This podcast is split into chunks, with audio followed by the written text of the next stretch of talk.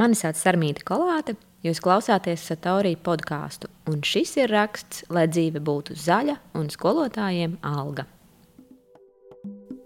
Sarmīta Kolāte ir žurnāliste, kam interesē cilvēki, daba un valsts. Šajā rakstā viņa stāsta par vidas problēmām nepieciešamajiem risinājumiem. Pat tie, kas neskatās panorāmu, būs pamanījuši, ka vidas jautājumi aizvien vairāk kļūst par tā saucamo trendu. Populārākas kļūst arī gan radikālas pieejas vidas jautājumu risināšanai, bezatkritumu dzīvesveids, vegānās kustības un, protams, vasarai īpaši raksturīgā jūsma par saplūšanu ar dabu. Un vēl jāpiemina arī Zviedrijas skolniece Grēta Thunberga, kuras pilsoniskais aktīvisms iedvesmojas jauniešu vidas protestiem lielā daļā Eiropas.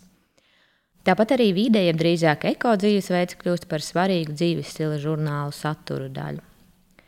Nereti jau minētie un vēl citi novērojumi par sabiedrību visādiem vērtētājiem un ietekmētājiem liek secināt, jā, nu vide tiešām kļūst svarīga, un tūlīt, tūlīt mēs visi dzīvosim zaļi. Bet tas ir kļūdains pieņēmums. Lai gan zero veist ir gana redzama kustība, un žurnālistiem gal galā ir interesanti par to stāstīt stāstus, Patiesībā tas ir tikai vēl viens burbulis, un runa ir par ļoti mazu sabiedrības daļu. Lai zemē būtu vairāk spēka, daudz būtiskāka par zero veistu vai vegānisma kustību. Un, piemēram, vegānas alternatīvas var radīt lielāku ietekmi uz vidi nekā dzīvnieku izcelsmes olbaltuma ražošana. Ir zero impact pieeja, un tās ieviešanā ir nepieciešami politiski lēmumi, kas būtiski maina to, kā mēs ražojam un patērējam lietas. Kad es biju tīnis, aktuāli bija runāt par ozona caurumu. Tas paliekot aizvien lielāks, un tūlīt mēs visi mirsim. Īpaši bija jāuzmanās no lietus, kas rodas zem šī cauruma. Šodien tā vairs nav būtiska problēma. Valstis, parakstot Monreāls protokolu, vienojās atteikties no tādu ķīmisku vielu lietošanas, kas noārda ozonu slāni. Monreāls protokolu var vērtēt kā veiksmes stāstu, nejaukt ar Valda Dombrovska veiksmes stāstu kas pierāda, ja vien ir politiska griba, globālas vidas problēmas var atrisināt. Tomēr svarīgi piebilst, ka politiskā griba ir īpašs gribas veids. To veido arī dažādu ieinteresēto grupu attieksme, vajadzības un lobēšanas spējas. Monreāls protokols bija iespējams arī tāpēc, ka uzņēmumiem pārorientācija uz citu vielu ražošanu nebija traki sāpīga. Ja es vairs neražoju freonu, es taču varu ražot citu ķīmisku vielu, Mūsdienu vidas problēmām nepieciešamie risinājumi ir kompleksi, un daļa no tiem var būt draudz esošo biznesu attīstībai. Tāpat šeit vērts pieminēt arī slaveno skolotāju algu argumentu, ko oponējot vidas organizācijām, izmanto piemēram kokrūpnieki, kas norāda, ka kokrūpniecība ir ļoti svarīga tautsēmniecības nozare, un tās lejupslīde atstās ļaunākas sekas. To skaitā ietekmēs arī skolotāja algas nekā tās nedēļas, kas saistītas ar vidi un dabu. Te gan jānorāda, ka rietumu pasaulē skolotāju algu pozitīvi var ietekmēt arī ilgspējīga pieeja un rūpes par vidi un dabu. Proti, valstis rada mehānismus, kas vidē draudzīgus risinājumus un dabas daudzveidības saglabāšanu padara arī ekonomiski pamatojamu. Vēl vairāk starptautiskajā finanšu tirgū aizvien aktuālāks kļūst jautājums par tā saucamajām zaļajām investīcijām. Iespējams, bankas ar laiku naudu varētu aizdot vidē draudzīgiem projektiem. Ilgspējīgas finanses ir aktuāla tēma arī starptautiskajām finanšu institūcijām. Kāpēc lai valsts nepateiktu, ka, piemēram, otrā līmeņa pensiju fonda uzkrājums ieguldāms vien tādos portfeļos, kam nav negatīvas ietekmes uz vidi? Vietējiem ražotājiem, kas mēdz pretstatīt vidi un dabu, ražošanai patīk runāt par eksportu, jo eksportējot iegūtā nauda īpaši nodarot skolotāju algām. Tomēr, ja vien plāns nav attīstīt sadarbību ar samērā neprognozējamo tirgu austrumu virzienā, jāņem vērā, ka civilizētā pasaulē aizvien svarīgāk būs tas, lai preces tiktu saražotas, neradot negatīvu ietekmi uz vidi. Mūsdienās viens no izaicinājumiem varētu būt pakāpeniska atteikšanās no fosilās enerģijas. Sākumā varētu šķist, ka tas nebūs tik vienkārši, kā mums māca Monreāls protokola veiksmes stāsts, jo naftas ražotājs nevar vienā brīdī pāriet uz vidēji draudzīgāku naftu. Taču nu, arī lielākie fosilās enerģijas ražotāji sāk pievērsties atjaunīgās enerģijas ražošanai. Piemēram, pasaulē pirmo peldošo vēja elektrostaciju jūrā 2017. gadā netālu no Skotijas krastiem atklāja neviens cits kā Statoil, kas Latvijā agrāk bija pazīstams kā Staķiks. Bet pietiek, protams, kādam nokliekties oik, lai diskusijas par fosilās enerģijas aizvietošanu ar vidēji draudzīgākām alternatīvām kļūtu dažbrīd pat neiespējamas. Tomēr, atgriežoties pie jautājuma par to, kas būtiskāk - valsts lēmumi vai individu uzvedības maiņa vidas jautājumu risināšanā, ir jāsaprot, ka indivīdi savu izvēli var veikt vien tādās robežās, kādas ir noteiktas.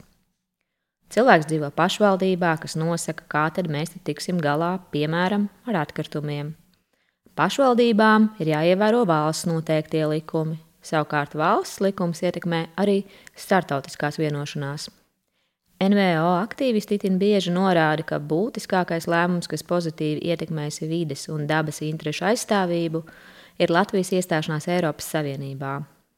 Eiropas Savienības regulas un direktīvas maigi, bet noteikti liek Latvijai labāk rūpēties par mūsu pašu dievzemītes saglabāšanu arī nākamajām paudzēm. Protams, būtiski ir tas, ko mēs katrs pats domājam un darām savās pilīs un būdiņās. Politiķi visbiežāk nav ļaunie dēmoni, kas domā vien par zākšanu un iznīcināšanu.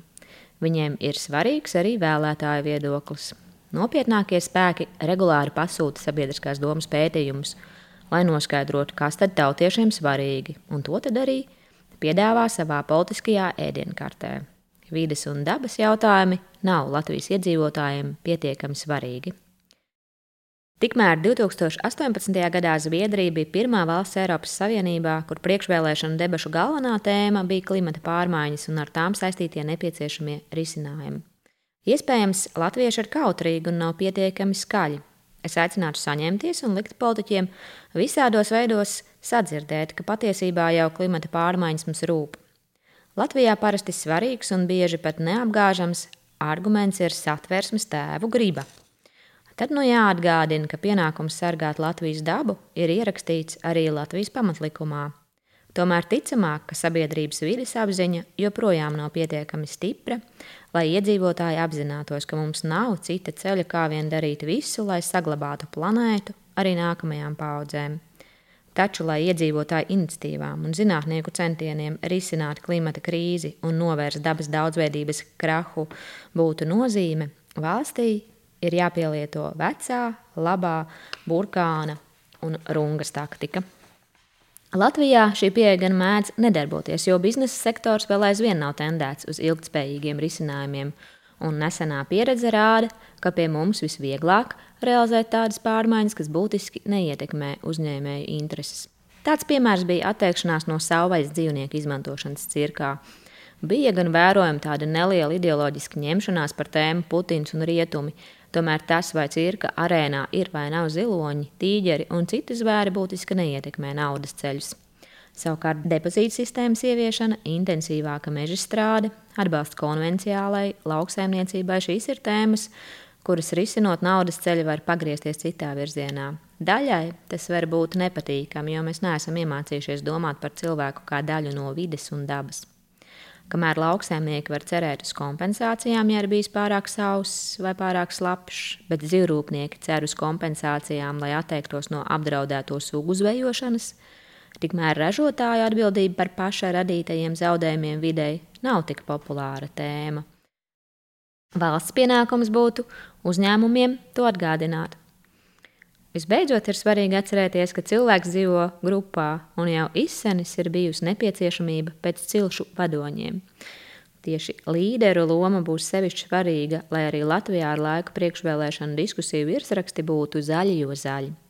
Premjers un it īpaši jaunais valsts prezidents savos izteikumos ir pievērsuši uzmanību vides un dabas jautājumiem, akcentējot, ka tās ir vērtības, kas jāsargā, Ja to sapratīs politiķi, kas joprojām netic klimata pārmaiņām, iespējams, mums būs nauda arī skolotāju algām.